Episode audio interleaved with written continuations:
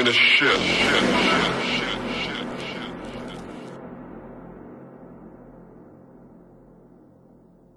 And I hate fucking you now because I love fucking you too much.